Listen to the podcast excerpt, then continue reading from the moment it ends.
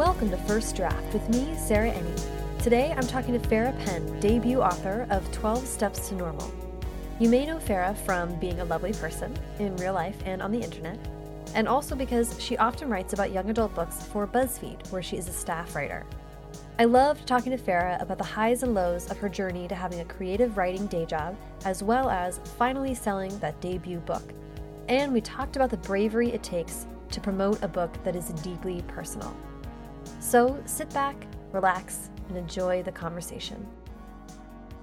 So, hi, Farrah, how are you? Oh, I'm good. How are you? So good. Thank you so much for having me over to your place. Yeah, I'm honored that you asked. Oh my gosh. this gosh. is so exciting. As you know, I like to start these interviews back at the very beginning, which is where were you born and raised? Yeah, I was born and raised in a suburb outside of Dallas, Texas, and basically um, was in that same area up until like high school. The whole way through. Yeah. So, friends from K through, this is like an experience of life that I don't have. Um, yeah, I guess sort of. So I I changed schools three different times, Oh, but. I was still within the same area. Um, I started off in a Montessori school um, up until second grade. In third grade, my parents put me in a Catholic private school up until eighth grade. That's a shift. yes. They're all um, about structure. yeah, so it was like I was sitting at desk and I had textbooks and I didn't really know what textbooks were and I remember getting in trouble for like writing in a textbook because I didn't know you're not supposed to do that. Wow. Just like basic things that you just kind of learn when you're in a, a traditional school. I didn't know. That's so interesting. oh my gosh, that's really interesting. And that's and third grade is a big year. It sort of shifts into more like formal feeling education, I guess. Yeah. I, like I remember learning cursive and being like, oh my Yes. gosh, I'm an intellectual now. okay, let's but let's um, I'd love to hear about how reading and writing were a part of growing up for you. Yeah, so both of my grandmas are avid readers, and my grandma Clara came to live with us the first like two years that like after I was born, because my mom and dad both went back to work pretty quickly. And she would read to me all the time. She'd play with me all the time. We'd you know do puzzles and all those sorts of things. And she is from Houston, so she, she wasn't like that far away. And she would um, come up sometimes, and she's the one who taught me how to read. Um, and you know, with hooked on phonics. I love that so much. yes, uh, very '90s. uh, but and yeah, I remember like not really loving learning how to read at first, and all I wanted to do was like play pretend and play Barbies with Oh, her. interesting. And so she would have to bribe me like, okay, I'll play Barbies with you for 30 minutes if we do like this one lesson on hooked on phonics. And I remember her like getting me to kind of learn to read that way. But once I had it down and I knew how to read, I loved like you know just reading anything I could get my hands on. Yes, that's so interesting that you remember that. You were like, ah, this, is, a, this is a drag. yes, I think because I was an only child for the first like eight years of my life. My, mm-hmm. There's a big age gap between me and my sister, and it was nice like having a grandma to like play with, and all I mm-hmm. wanted to do was like play with someone or have someone there, and so, but you know, she's like, okay, well, we gotta gotta get reading. Gotta learn. Yeah, I gotta learn too. But it's, it's also interesting that you were like what you wanted to do instead was come up with your own stories. Um, like playing pretend and stuff like that is like was my jam. Yes, absolutely. I, you know, growing up, got into middle grade books, so like the Full House Michelle books, and series of unfortunate events, and the Harry Potter series, of course. So once I had started, you know, reading those, I kind of like wanted to create my own stories too. yeah. So what um, what form did that take when you knew you wanted to make your own stories? How did you start writing this down? So I have this one memory of being, I think, in third, no, fourth or fifth grade, and our teacher had assigned us an assignment to write a, our own original story, and that was all it had to be. She was going to grade mm-hmm. it. This is for English, and I loved the American Girl books so much, specifically the Molly ones, mm-hmm. and so I basically wrote fan fiction. Like Molly, her like another story based on like her character, and I was so I loved writing it. It was so fun, and I turned the assignment in. I was so proud of it, and I remember getting called to her desk, and she like had a talking with me because you know this wasn't an original story. You it was like a form of plagiarism, and you can't do that. Right. Like the assignment was to write an original story, and this wasn't it. So that like scared me a little bit. So I was Yeah. like, okay, going forward, I'm just gonna write my own stories with these characters that I make up. And I had a computer and I would like open Word and I would just, you know, start off like chapter one, like, my name is Leslie. I am 12 years old. I have brown hair and freckles. And just like, you know, that's how I, I think I just started writing my own mm-hmm. characters and my own stories. I love that it started with like literally creating the character, like yeah. just like a little bio yeah. of this person. That's so funny.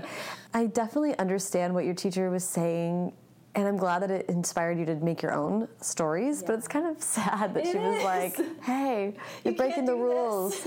yeah, that's like when, of course, we know how many people just found fan fiction on their own yeah. and then got the chance to do whatever they wanted with those stories. Yeah, in a perfectly okay way. Yeah, I don't think I knew what fan fiction was until I was in high school, and mm-hmm. then even when I understood it, I would still think back to that memory and be like, why are these people using other people's stories to create their own world? No one told them. Yeah, oh my gosh, that's so funny. You're like, you're um, all breaking the rules. I totally get it, yeah. Yeah, that's so funny. But so you got started super early then, making up these characters and doing your own stories. Did you keep doing that all through school? I did. Throughout middle school in particular, I wrote like these like 100 page books. Amazing. it wasn't very long, but they were like my stories. And I remember being confident enough to show my friends. I'd print it out and I'd take it to school. And like in my friend circle, everyone was so supportive and they were like, That's "Oh, I awesome. want to read the next one." When they could have easily just made fun of me for like writing, they they didn't. That's so um, great. So were you ever like this character is you or whatever? Did you like put I, your friends in your books? I definitely think I stole their names, but they were like yes. different, yeah, different people. That's cool. I like straight up just put my friends in Did it. You? I feel like they were interested in it because I was like, yeah, that's you for sure. Um, that's great. Yeah, they were like we were in a high school on a spaceship or whatever, so everyone looked different and had weird like alien names. Oh but I was like, that's definitely you, Ramona, or whatever.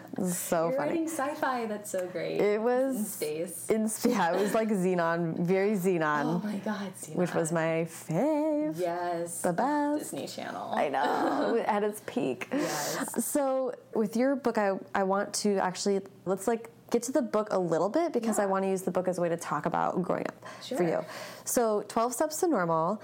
Can you give us like a little the little pitch for it? Yeah. So, 12 Steps to Normal is about a 16 year old girl named Kira who's been living in Oregon with her aunt for the last year, and her dad comes home from a year long sober living program and because he's back home, Kira decides to move back home too, because she was kind of uprooted mm-hmm. beforehand, and she wants to, you know, be back to where her friends are and everything. And when she comes back home, she's kind of assumes that everything's going to be back to the way it was, mm-hmm. but she finds her life is turned upside down. Her friends are distant.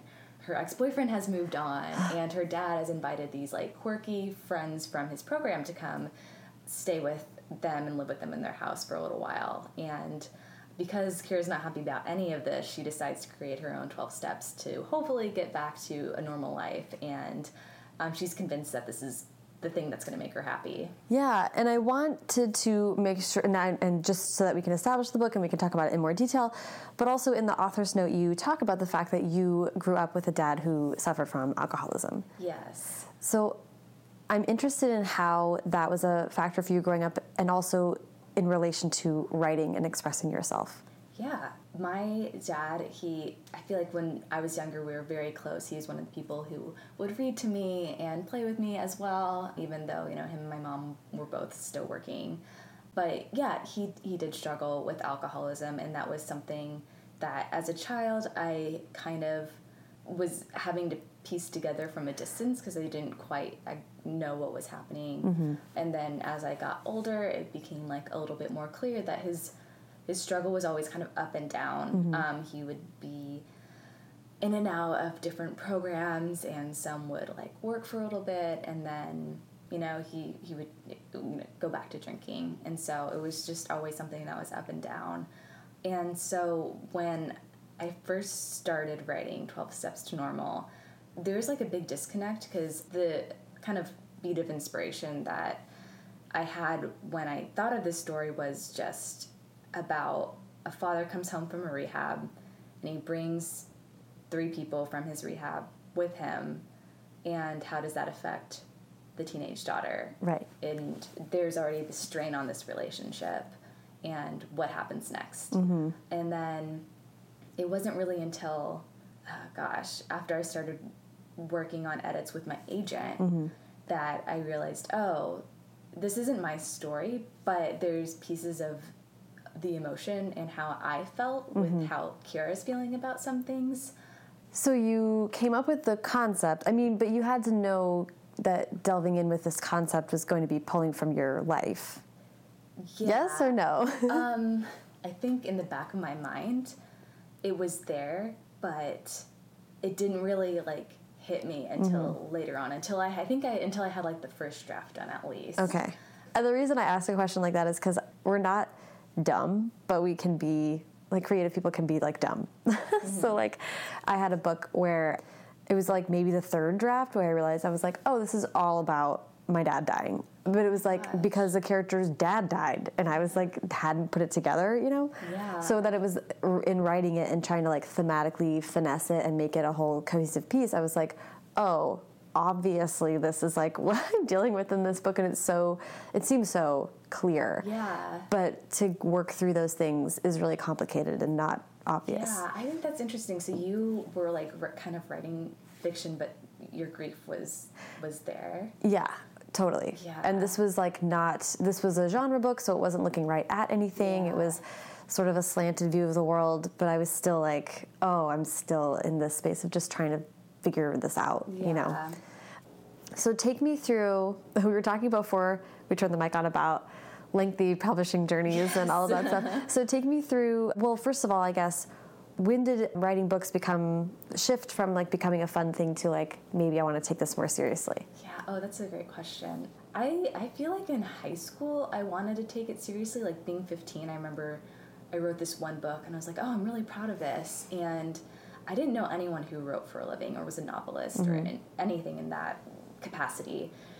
But one of my best friends' moms was a sports journalist, and in my head I was like, she writes for a living. Yeah. That's really cool. That's so May- cool. Maybe she'll want to read this book that I have, even though like sports journalism and writing a novel are completely different things. So um, I sh- I gave her this book that I had written I think in like seventh grade, and I was like, I hope to publish a book one day. Can you read it and give me your thoughts as a writer? And she read it and she was like, Wow, I can't believe seventh grader wrote this. And she told my parents who didn't really know I was writing, like in my room writing these stories. And I remember them sitting down and were like, Do you, are you writing books in your room? Is that what you're doing with the That's computer? so funny. I was like, Yeah, because I just assumed that they knew. Um, That's so interesting. also, like, what a joy for parents to be like, if you're going to be worried about your kids doing in a room by yourself, you're like, oh, she's writing novels. Great. Um, what a relief. Yes. That's a pretty big step to be like, I need some validation. Am I on the right track? But then, you know, it wasn't until college, um, when I was at the University of North Texas, I started off in journalism and quickly realized it wasn't for me, um, just because it was a lot of structure and, you know, writing books and creative writing. You're like, oh no, Montessori. Yes. and then I switched to radio, television, film only because I was interested in writing scripts. But there was only one script writing class, and you couldn't take it until you did all these other prerequisites. So I was like, you know what? If I'm doing this for one class, maybe I should be doing something else. Oh, interesting. So then I was like, I'm just gonna switch to like English creative writing. And after I had graduated, I was working like the sales job. This was like back in 2010, and that's all. I was like, I would wake up, go to work, come home, and uh, then I was like, well, I loved reading so much before high school and college got so busy. You know, I'm gonna start reading YA books again, and then realized, oh, I'm gonna try and start writing again because I loved it so much in middle school and like beginning of high school. so wait a second. Yes. Hold on. But you go to college and you did English and creative writing. Mm-hmm. So I'm assuming you got the chance to do some creative writing in that program. Yeah, absolutely. I took a short fiction. Uh, there's a fiction class, a nonfiction class, a poetry class, and yeah, the professors were so great. It really like helped me, I think, become a better writer. Mm-hmm. Taking these classes, and I do remember like having a conversation with the professor, like, what do I do if I want to get a book published? Right. And I just kind of remember her being like, oh, well, you know, maybe start a little bit smaller than that. Like, submit to magazines, submit sh- short stories or poetry. And I wasn't really happy with that answer. I was Right. like, no, I want to write a book. I want to get it published. How do I do that? Yeah. Um, so since I didn't really get the answer I needed, I was just like, well, I guess Oh, interesting. put it like in the back of my mind, figure it out later. That's a bummer. So then, so then tell me how you went about finding answers on your own. Okay, so this was still, I believe, in 2010. I was 21, and I decided I'm not fulfilled with the sales job that I have. I'm going to try and figure out how people get published. Right. and through connections through friends, I got connected to this one author named Wendy Tolliver, mm-hmm. um, who's written contemporary books, and she wrote for a living. And so mm-hmm. I was like, oh, she's a real author, and like she's doing it. And we had been messaging, and I had asked her like, how did you get published? Like, what mm-hmm. did you do? She told me about querying, and I think it was Agent Query. Oh yeah, agentquery.com is a is one of them ones or Query Tracker or one of those yeah, things. um, it was Agent Query, I believe. And so she gave me that website. She's like, clean up your book, write a query letter. This website will help you. Mm-hmm. It'll help you find the agent who represents what you're writing in, um, which, you know, she writes YA. I was also writing YA. And yeah, just email them and see what happens. That's so cool. And mm. there was like sort of a big YA boom that was happening like within 2010, 2011. Of course, the Hunger Games was like around that time as well. Yeah. Dystopian was like so hot. I just started reading kind of everything that was up and coming and coming out and still feeling like creatively unfulfilled because of the sales job. Mm-hmm. Um, so yeah, I started writing what I thought was a YA book, but it, was, it took place her freshman year of college, so it wasn't like quite YA. Right, still, like, interesting. 18. Mm-hmm. So, per like Wendy's advice, I you know cleaned the book up, was querying agents, and just got no bites. No one wanted it. and looking back, that story was like not my best. Mm. so, because I was so inspired by all this dystopian books I was reading, I decided to write one. Okay. I really loved the Hunger Games, and yeah, wrote this dystopian story. And when I was working the sales job, it only lasted, I think, eight months because the company was encountered this lawsuit and they had to lay off everyone they had hired that year. Oh um, dang. So it wasn't like everyone, but there was a large number of us. They just like called us into this room. They were like, "Listen, I'm sorry, we need to let you go. We'll give you severance, but Dang. So yeah, I was 21. I had a severance package, and Wow. I remember calling my mom, and I was like, I don't know what to do next. I need like a source of income because this, you know, severance isn't gonna last forever. And I was living in Phoenix, and you know, living with roommates. I needed to pay my rent and stuff. Mm-hmm. And she was just like, you know, sort of take your time finding the next job and make sure it's something that you want to do and not Right. not something you don't enjoy. So yeah, in that time I was using the severance and trying to figure out what was my next step. That's when I wrote this dystopian story. Oh, awesome. So you got a severance book. Yes. That's great. And st- while you were still in Phoenix. yes. Okay. Interesting. Yeah. And I had a lot of time Mm-hmm. to write this dystopian and I was so passionate about the idea that I I remember cranking out like 5,000 words in one day. Oh my gosh. Um, wow. Yeah, and I just like kind of banged it out. Like, I don't know, the words just came, and I had the time to like do that since I wasn't Right. working. And yeah, it was something I was proud of, and I was like, I think this might be able to go somewhere, Mm-hmm. whereas the other book didn't. And so. Um, went back into the query world once again with that Back to. Agent Tracker. Yes. um, one of the agents I sent it to was Suzie Townsend, who at the time was with Fine Print Literary, who loved the pages I had sent her and was like, Do you mind sending me the full book? So I was like, Yeah, of course, I'll happily send it to you. And she was like, Just so you know, um, this might take about 60 days to get back with all the other things I have going on. I was like, That problem. And I remember she like emailed me four days later and she's like I, I totally lied when I said it would you know take 60 days. I started reading it and I'm like loving it. And that just like I remember feeling so good. I was like oh my gosh she's like really intrigued by my story. This That's is really cool. And she emailed me to tell me that. That's awesome. Then I it was maybe like two or three weeks later when I think we talked on the phone because she had some revisions, Mm-hmm. or it was through email. And she's like, I think you know this could make the book stronger. And I remember reading her notes.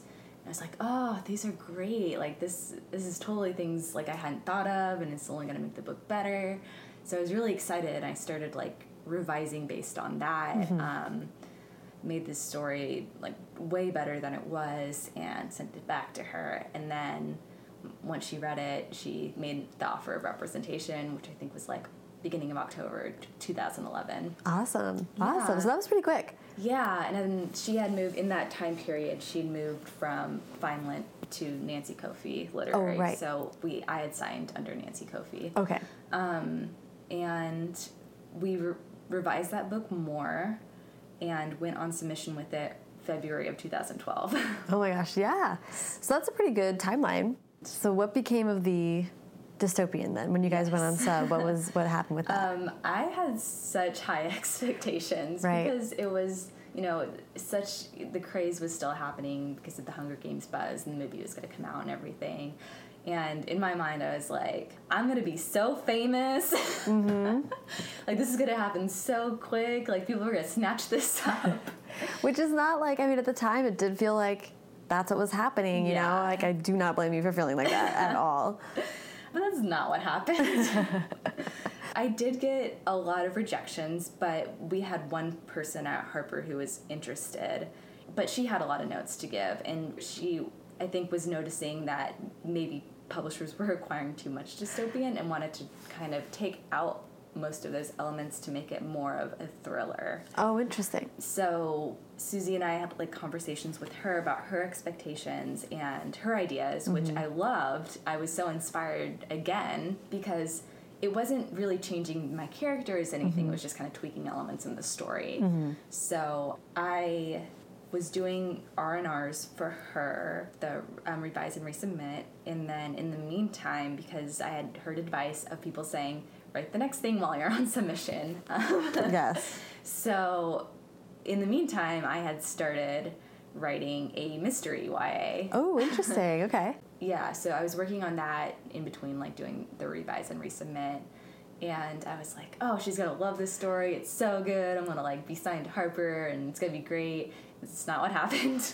they ultimately passed, um, which was like pretty devastating for me because I was so proud of this book. And to get that close and to have someone in house that's like trying to fight for you and mm-hmm. but editors can only do so much even. yeah.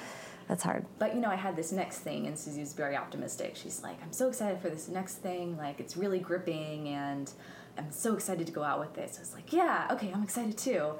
And that book we had called, um, oh, the the dystopian was called Vitality, and Okay. then this book, this mystery book, was called Keeping Secrets, and we decided, you know, after that first round with Vitality, we were going to just shelf it, move on to Keeping Secrets, since I had been writing it and revising it in that the time that I was on submission, which I think was about nine or eleven months. I can't quite remember. It's a long time to be in limbo. yes. Yeah. But so this okay, we went on submission with Keeping Secrets at the end of September 2012 Okay. we again a lot of rejections, but another editor at Macmillan was interested this time, but requested a revise and resubmit based on her notes, which were great. I really like loved where she wanted me to go with the story, and it was going to make it stronger. All that. So um, while I was revising Keeping Secrets, around the end of November 2012, Suzie emailed me with an opportunity to create a proposal for Bloomsbury paperback line of contemporary romance. So um, I wasn't going to have to write another full book. I think I just wrote maybe three or five chapters. Okay. Plus, you know, the whole dreaded synopsis of what's going to Oh, gosh, happen yeah. every detail in the book. Well, hang on. So this is super interesting. First of all, I love Suzie's such a great agent because I know a bunch of her clients and she is so good at this kind of thing, like helping you find other ways to stay motivated and new things to do. But so I'm interested in what the inspiration was. Did they give you like, were they just like any kind of romantic story, do whatever you want, or what were the parameters? Yeah, it had to be set like in YA, like in high Mm-hmm. school. And yeah, it just had to be contemporary romance. Wow. So I was like, okay, yeah, I think that's something I can do. Did you have any like ideas that you'd been thinking about, or was it all from scratch for this? Um, I think it was all from scratch. If I'm remembering right, Suzie and I might have brainstormed some ideas together, or I had come up with ideas and sent it to her, and mm-hmm. she like helped me pick the best one or the strongest one. And that book that I wrote the proposal for was called Sideline Romance. It was like a football, like kind of like a Friday Night Lights awesome. contemporary romance. So we sent them the proposal, I was still waiting back to hear back from the R and R from Macmillan editor for Keeping Secrets, and I think this was end of the year of 2012.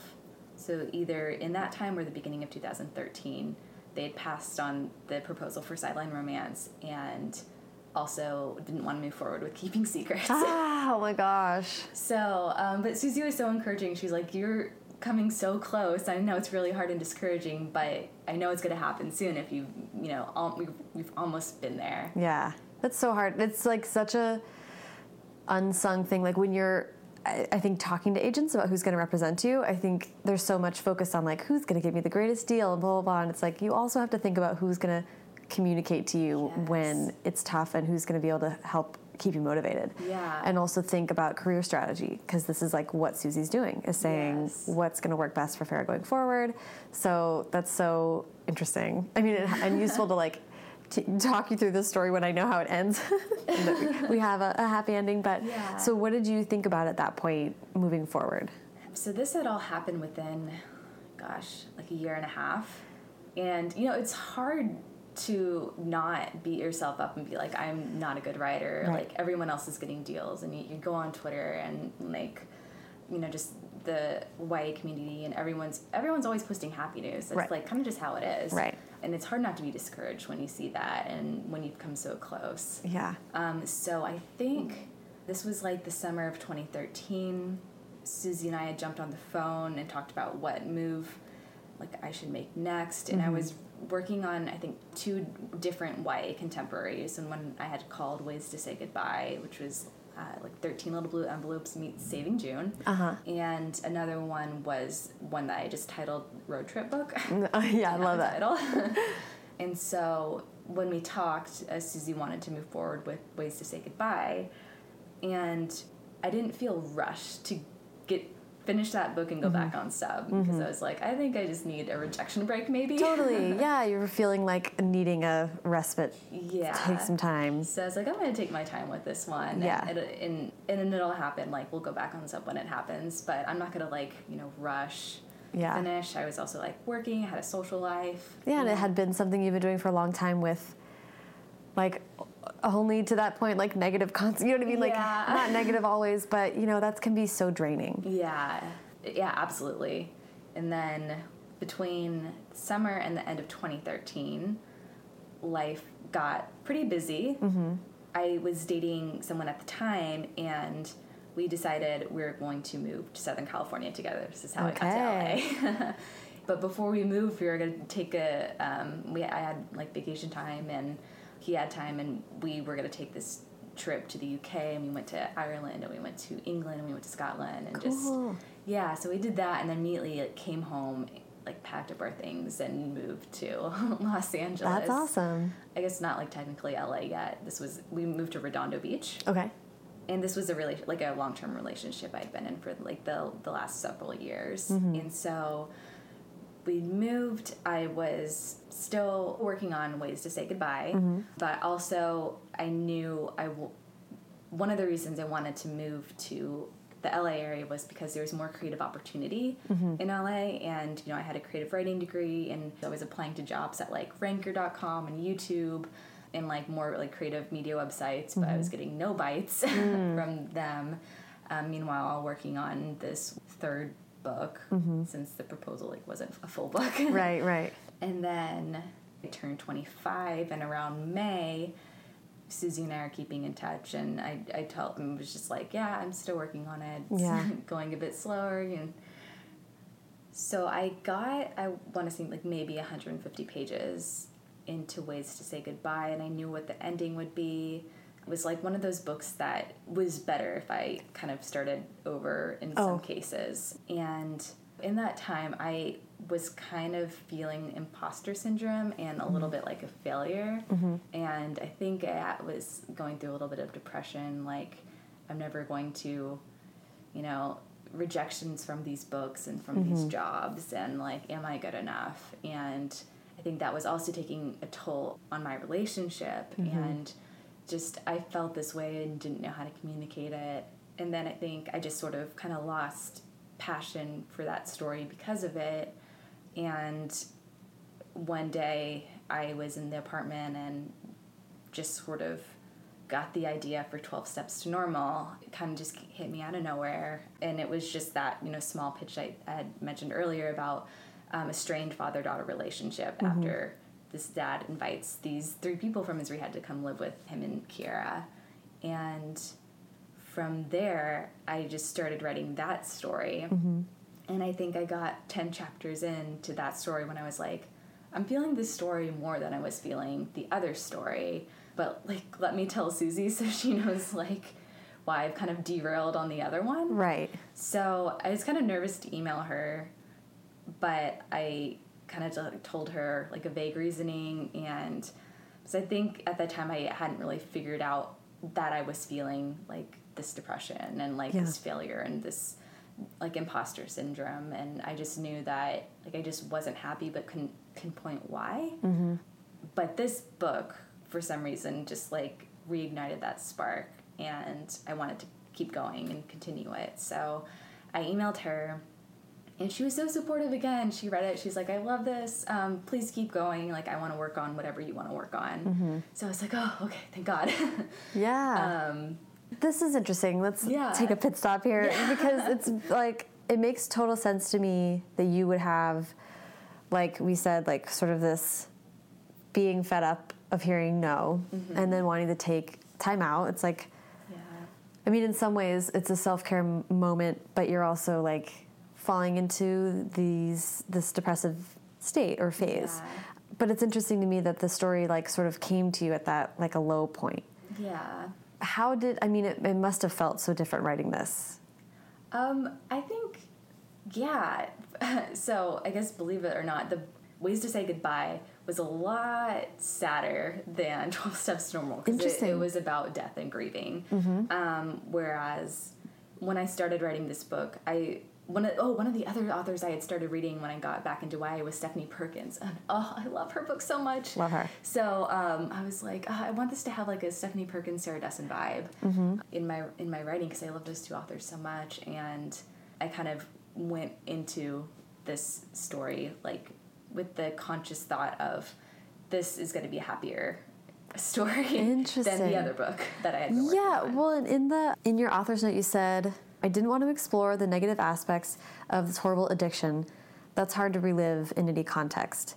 You said you re- you made the decision that you really wanted to focus on the hopefulness of her father's recovery. So, I mean, that's I, w- I just wanted to ask about that as Yeah. you know, it's a completely valid creative decision, but it's also like I'm curious about how you decided yeah that's what you wanted to and focus it's on. like absolutely not always the realistic one Right. as well but i throughout my life did meet people and even friends i have now who have had a successful journey in aa Mm-hmm. and the programs that they do and they are completely sober and like great people Mm-hmm. but again that's like not always the case which I'd growing up seen my own dad go through. But um, back in the beginning of high school, so I think this was around freshman year, I was 14, my dad did really hit a low point, and my mom made the decision that, you know, my sister was, um, gosh, she was young, but she was she was born at the time. Yeah. Um, and she made the decision, you know, I don't want to raise my daughters around this because it's not getting better, and I sh- they shouldn't have to see this. So I think it's such a difficult decision that I didn't understand at the time, Right. Um, which I completely understand now, and like she was such a strong person for doing that. She made the transition really smooth for my sister and I. When my sister was born, she didn't go back to work, so she was a stay-at-home mom for several years. And once my dad moved out, she knew she had to take care of us, so she um, went back to work for the first time in a long time and got a job as a daycare manager to provide for both me and my sister. and that's why I got a job at 15 next year, sophomore year, so I could have money to like go out with my friends and go to mm-hmm. the movies. Went to yeah. the movies a lot, into the mall. yeah. And as a teen, it was hard for me to understand alcoholism as a disease because I think when you think of a disease, you think of something like as terrible as you know cancer or chronic illness, right. where you think, well, you know, no one asked for this, but I think with addicts too, it's like I don't they didn't ask for it either, but it was hard for me to I guess contextualize the difference. Yeah.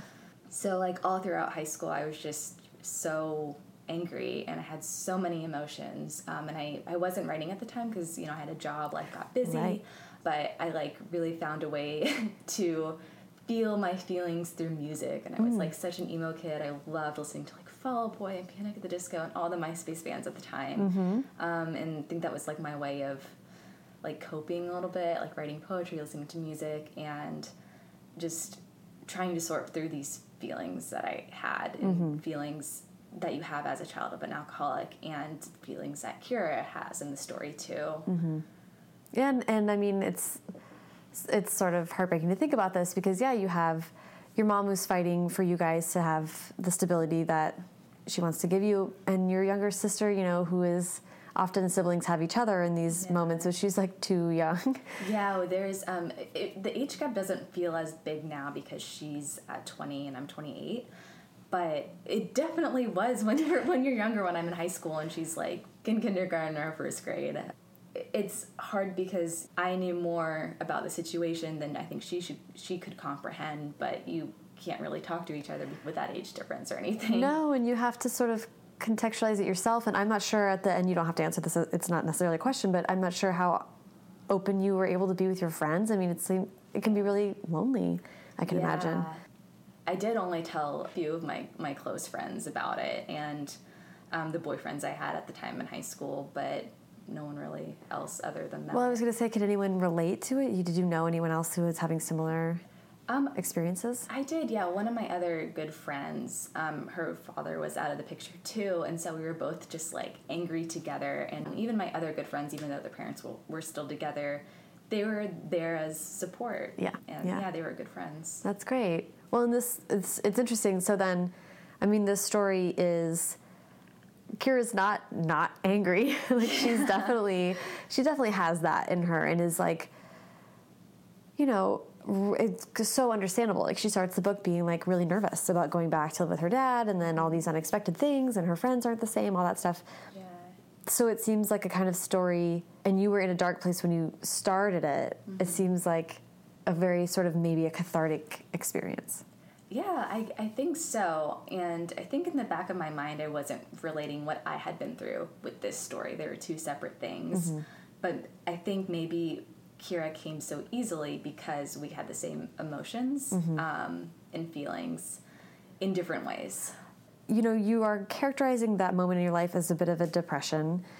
And what you're writing, if you're tapping into some of your anger for writing, I've heard stories of some people who come out of depressive states and like you're just excited to feel anything, and anger is often the first thing to come back.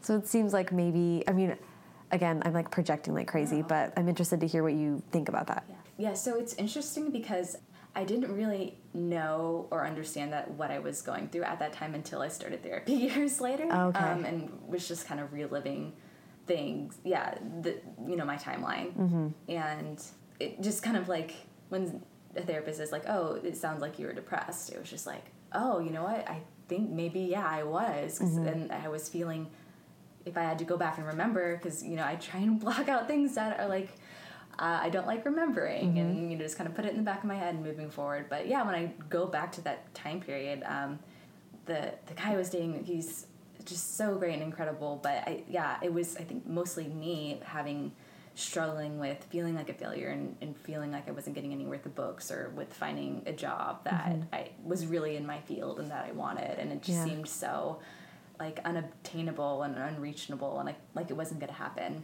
Mm-hmm.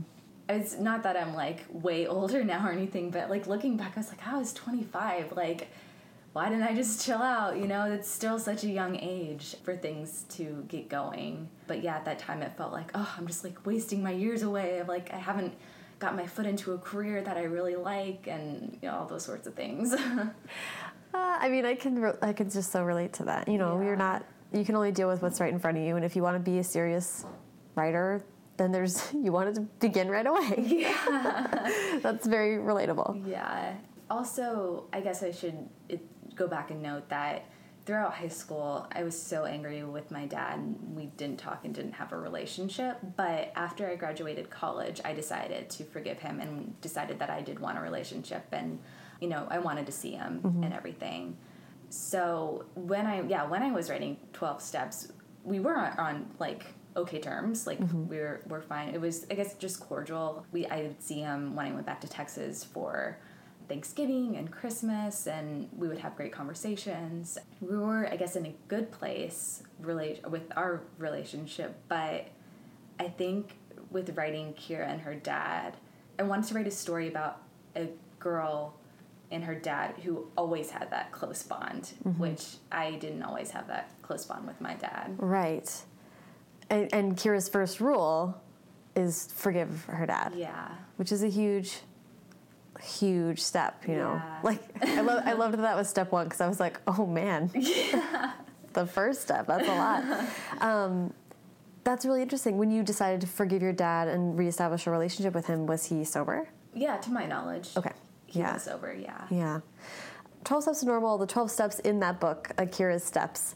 It's interesting to obviously you sort of have this familiarity with 12 step programs and like using the 12 steps and applying it to a non addiction. You know, it's just oh, interesting. Yeah. So I think for Kira, it's sort of the same concept in some ways, but she's using it to mend her relationships with people, mm-hmm. and that's like a whole separate step in the 12 steps right, on right. its own. um, but for her, she's like, okay, if I can either bring these people closer or push them away, then thing will go back to the way I want them to be, and things mm-hmm. will be completely normal and yeah, how I you know yeah. Well, it's useful to have that kind of. I'm thinking of. Um, I believe in a thing called Love by Maurene Right has her K drama yeah. lists and stuff like that, and and it's so useful to have something like that as a narrative like thrust, mm-hmm. kind of. Everyone loves a list, I think. So nice to have that to go to. Uh, be like the backbone of your narrative, you know? Yeah, with Maurene's book, though, if I'm remembering right, each chapter was um, mm-hmm. something different. And that's, that's what I've had people ask me, like, oh, is each chapter like a step? I was like, uh, no. no. but it applies a little bit throughout her yeah. journey. So. Right, and I was thinking about you as a writer just having like, we established, it's like Chekhov's list. You're yeah. like, okay, well, we know we want to deliver on these about how each of these relationships like develops mm-hmm. or doesn't or whatever but yeah, I was like, that's such a good idea, um, and perfect to tie in with this book and its themes. It's just like very, it's perfect. Oh, thank you. I love that. I did want to ask just a little bit about getting to BuzzFeed mm-hmm. um, and getting to this point as a professional writer for a day job as well. Yeah. Um, so how did that gig come about? Towards the end of 2014, we've almost lived in Redondo for a year.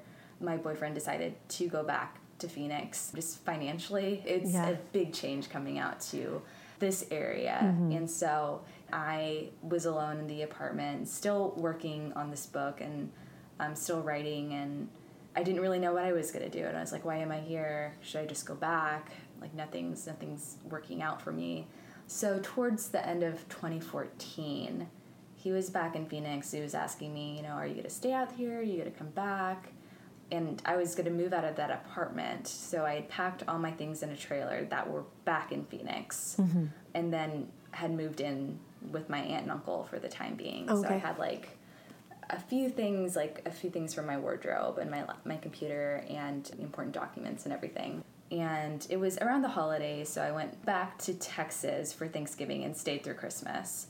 Um, and was just gonna decide, you know, what my next mm step was gonna be. Mm-hmm so I was still in Texas, I think throughout the new year, so 2015 comes around. Mm-hmm. And I get a call from my boyfriend saying that the trailer that everything I owned and some of his stuff was in was stolen.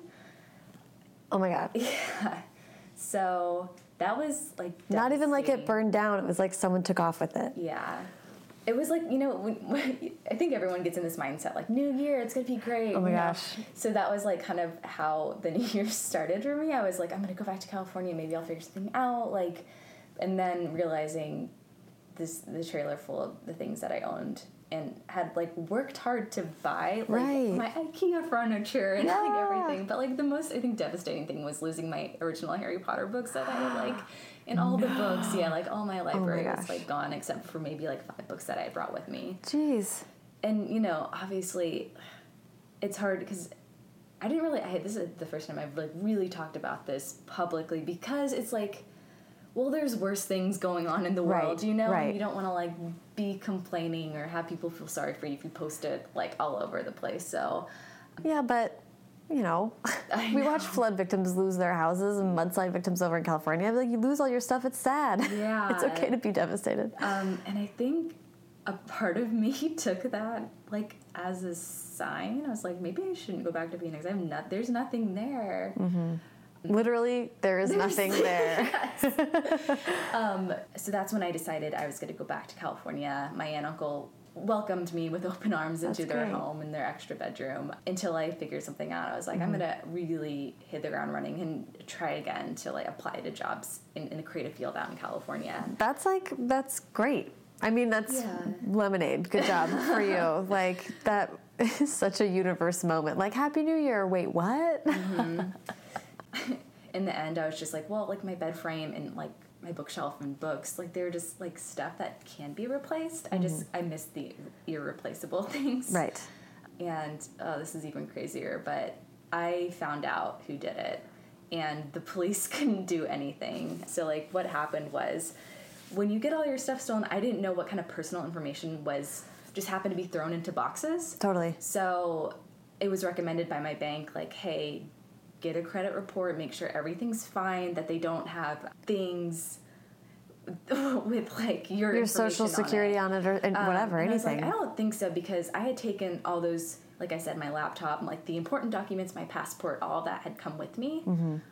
But you know, you can never be certain. So I did Yeah. get a credit report, and I found out something had been opened under my name, but sent to an address I didn't know in Phoenix. Whoa. And I was just like, no, this is not a coincidence. So there's a detective on my case.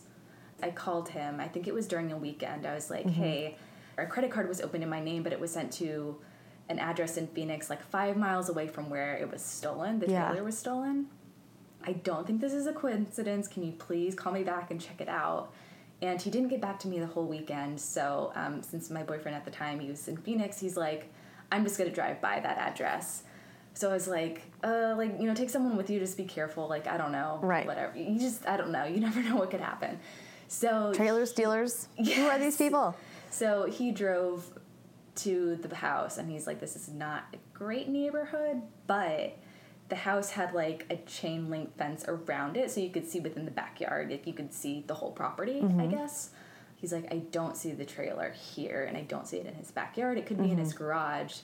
But he saw a neighbor standing outside. So he's like, I'm gonna he got out of his car, talked to the neighbor, and his neighbor said, Yes, there was a white trailer here a few days ago. Oh my gosh. So it's like, oh, like I know who did it, but like in the end, like long story short, we didn't have like hard evidence other than what his neighbor said. Even though this was his house, we didn't have evidence for the detective and the police to go and issue a warrant. You had to have a warrant. Yeah, yeah. So they were like, okay, cool, thanks for the information. We can't go into his house or anything or question him. So I was like, You can't even question him, even though he opens a credit card with that address. I That's so wild. I mean, obviously not. I'm like, Yeah, we don't need mean, I to think- relitigate this case for you, but no, no. Like, I mean, I feel like I really fought for it, and Yeah. there, there's like some reason they couldn't Yeah. go. dang. Um, So, so, but you were in California Yeah. with a clean a clean slate. so yeah. Long Kind of. short, that's like what happened in the beginning of 2015. Oh, my. Um, so uh, yeah, I was gonna hit the ground running, looking for jobs, and one of my good friends, Corrie Shatto, she knew I was like looking for a creative job, and she sent me a, a link to BuzzFeed, and she's like, I think you'd be good at like writing BuzzFeed content. So I signed up as a community user and Oh, started yeah. like creating my own content for BuzzFeed. In the meantime, I kind of built up that like community user portfolio, so I had something creative to show, Mm-hmm. and started applying to other media places online, and one of those places was bustle.com. Mm-hmm. And I applied to their books vertical, and I wrote for them for about a month Yay. because I had also applied to a BuzzFeed fellowship, Mm-hmm. and they had offered me to come on for their editorial fellowship program. Yay. So yeah, that was so exciting. That like is having amazing. two separate offers, and I had to tell Bustle, you know, BuzzFeed is here in, in California, and I wanted to be, I wanted to go into a place and, and Right. work and be in that creative environment.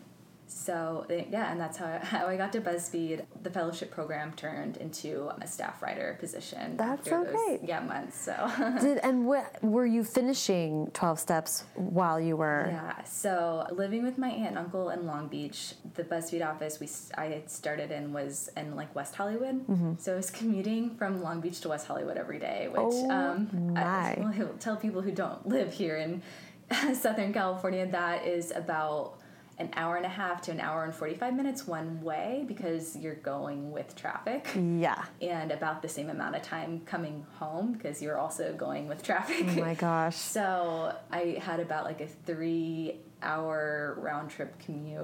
Wow. Um, a little, maybe a little over that on bad days every single day. But I really wanted this job, so Yeah. um, I was like working hard. But yeah, in the meantime, I would come home. I think I would get back to Long Beach around eight o'clock at night, Mm-hmm. eat dinner with my aunt and uncle. Right for a little bit before bed and just like completely pass out And do it so all over tired. again. Yeah, my gosh. And then on weekends, I would have those two days open, so I got a lot of editing done. And then September of 2015, and was like, I have got to start looking for apartments yeah. because I cannot do this commute. I was just like eating my soul. it's it's so tiring. Mm-hmm. So started looking at apartments and was debating on if I wanted to live with roommates or if I wanted to live alone. And I was like, well, if I find a place I can afford, Mm-hmm. I'm gonna live alone. And here we are in my tiny little studio Yay, in it's like perfect. East Hollywood. Yeah, It's so perfect. I've lived here since that since finding it. Mm-hmm. So that's your full year. You start with like, I'm gonna hit the ground running, and you did it. Yeah, That's really amazing. thank you. Yeah. Um, That's like a huge life transformation in one year. Yeah, but looking back, it felt way longer because I think my days were just so long. But yeah, Mm-hmm. Oh God, yeah. You're, you're right. It was like a year that it that timeline was a year. Yeah, you did it. And then 2016 rolls around, and I'm still Suzie and I have still been editing 12 Steps Normal together. It's gone through um, some revisions, and because I was like you know working and you know writing on the side, September rolled around. She's like, I think this is ready to go. I was like, oh, okay. And at this point, you haven't done the whole sub thing for like a couple years. Yeah. I was like, okay, all right, we're doing this again, and it's got to go out. And I think because the other books I had written throughout like 2011, 2012, 2013, and I felt like those were very high concept books that I could see on a shelf. But this one, it was contemporary. It was, I was like, you know what, this is a lot quieter. It might not sell again. Um, I, You had tempered expectations. yeah, so it, I went from being like, I'm gonna be so famous with this Yeah. dystopian book to being like, you know, realistically, you know, we've been here before. It, Right. We may get close again, but it may not Right. sell. And beginning of 2016, I'm starting to feel like I have a little bit of my life together. I've mm-hmm. moved into a place. I have a job where I get to write in a creative field. I'm working on a book again. I'm slowly like, you know, hacking away at it. And then in February of 2016, um, we get a phone call that my dad had passed away. And it was obviously shocking and surprising and very unexpected, but also in some ways not unexpected. I just remember I was getting ready for work. It was a Friday, and yeah, getting that call and just being alone, like not knowing what to do. I called, was on the phone with like my mom and my aunt, his my dad's sister, and his wife. Yeah, I'm like so sorry. No, it's it's okay. I mean, it's awful. Yeah, yeah. But I mean, you're so far away from everyone. Mm-hmm. And you finished this book. I mean, that's That's wild. Yeah. So I went home for I think like a week. Um, we had a memorial for him and came back to California after and was just thinking, yeah, I had finished a draft of the book and, and Suzie and I, I think we were revising it and I think that's when it hit me like, oh, this book is probably a lot closer to home than I realized because mm. even though it's not my story, it's still dealing with something that I also went through and yeah. um, the feelings again, the feelings and emotions Kira went through, I also went through, and so of course was very sad and I just didn't know how to feel or it just kind of felt stuck again and I think I had emailed Suzie. And I was like, I don't know how to feel about this book. I don't know if it's like something I should move forward with. I just I don't know. I don't know. And that's kind of like guess like how I just felt about everything. Like I don't know. I don't know how to feel and I don't know what to think. And she was just like, and this is such a lovely book and it's so meaningful and and relatable and of course like I want to do whatever you want to do, but I think this is a great story. So in my mind it's like, yeah, it's not my story, but it is a book that I have enjoyed writing because it's not just about Kira and her father. There's so much more to it. There's, you know, Kira and her group of friends, and mm-hmm. Kira and like her love interests, and there's so many more elements to it as well. But you know, that isn't my life. but right. Well, and I can empathize with the challenge then moving forward with this book means that you're going to have to talk about your mm-hmm. dad and everything yeah. that you went through. That's hard to take on. Yes. When you just want to tell a story and you yeah. and you feel like it's not your story, but people are always going to yeah correlate.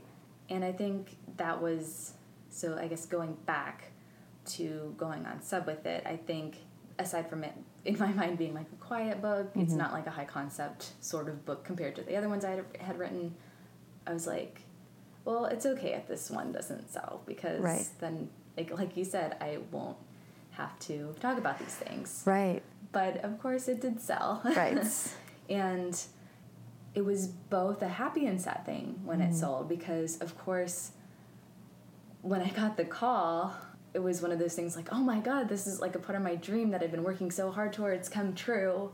And then you realize I'm not gonna be able to share it with my dad or like you know those feelings of like sadness and grief are still present and i think will probably always be present yeah. throughout your life when you lose someone you love parent grandparent yeah whatever it may be so it was very obviously very joyous um, and it was so great being able to call my mom and tell her that news is something i've worked so hard for but again yeah something i was like oh I'd never expected a story that I'd put so much of my own emotion in to be the story that sold, I guess. Wow. Wow, really interesting. Yeah. That's hilariously counterintuitive to me. like obviously this book is so real, you know, and that's what people are like responding to so strongly. Like this is even though it isn't exactly your story, these are your felt, you know, experiences mm-hmm. kind of and you're you're obviously pulling from your heart with it. Yeah. Which is wonderful. No. It's like makes it kind of stand out, you know? Yeah. Do you, was there any part of you that feels like you're in some way honoring him by talking about? Yeah, I think so. And it's, so when it first sold, and you know the people around me, my closest friends and coworkers knew my dad had passed away, and I had been given advice that you can only talk about as much as you want to talk about about you personally. You don't have to give anyone the whole pie. You can give them a piece of it. Mm-hmm. And at first, I was like, "Yeah, I don't. Ha- okay, that's that's really helpful. I don't have to talk about my personal life and, right. and what I what I've gone through." And this was last year when I was revising, and you know, you, you think about the publication road ahead mm-hmm. and how you're going to talk about it and what you're going to say.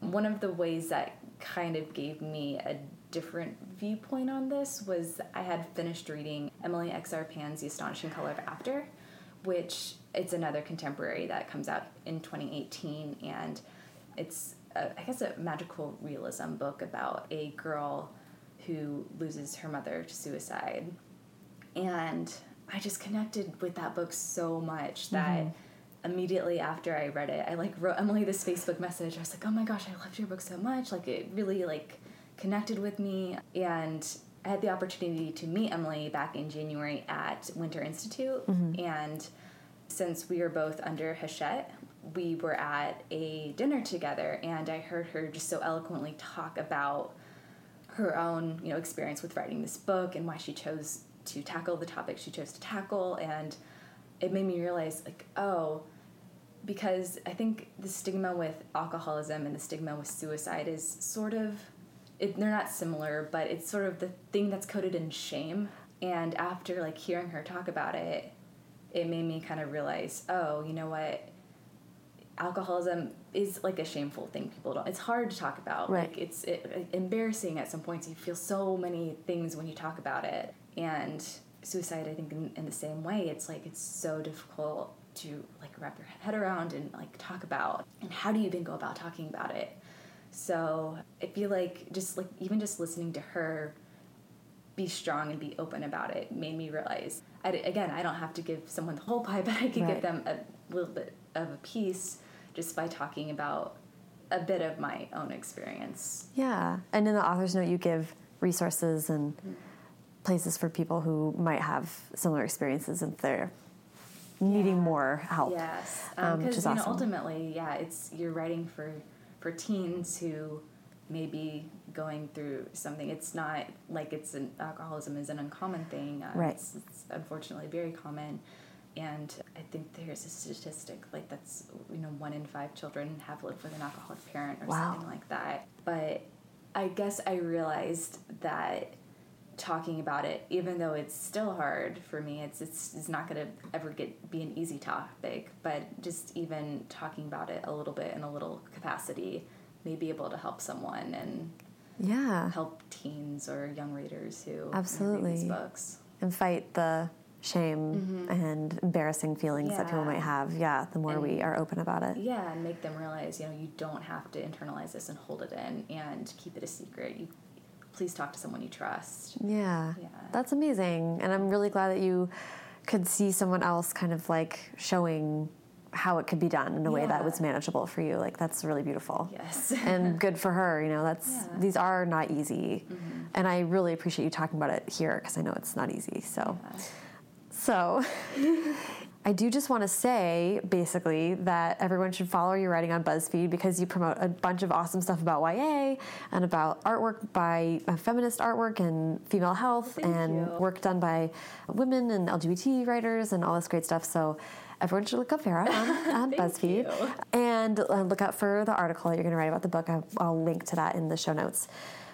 And I'm sorry to like have to. I mean, like we t- we talk so much, and I just yeah. want to make sure that we wrap up before we exhaust ourselves. Yeah. But I like to wrap up with advice. Yes. Um, so I would love to just hear you give like your biggest piece of advice for writers. Yeah. So I think advice isn't every piece of advice won't work for every single writer. Mm-hmm. Um, I've I've heard writers get advice where they're like, I wake up at five in the morning to write and I I really tried to do that but it just didn't work for me so just take it or leave it sort of with advice mm-hmm. I guess but um, so I guess my two pieces of advice are I have had a long publishing journey so it can it can be hard and sometimes it doesn't happen with the first book or the second book or the third book but mm-hmm. don't give up be persistent and keep writing the next book mm-hmm. and I guess the second piece of advice is sometimes I even forget with this one especially that take breaks. Oh yeah. Um, go outside, call your mom, call your dad, call your sister, call your brother.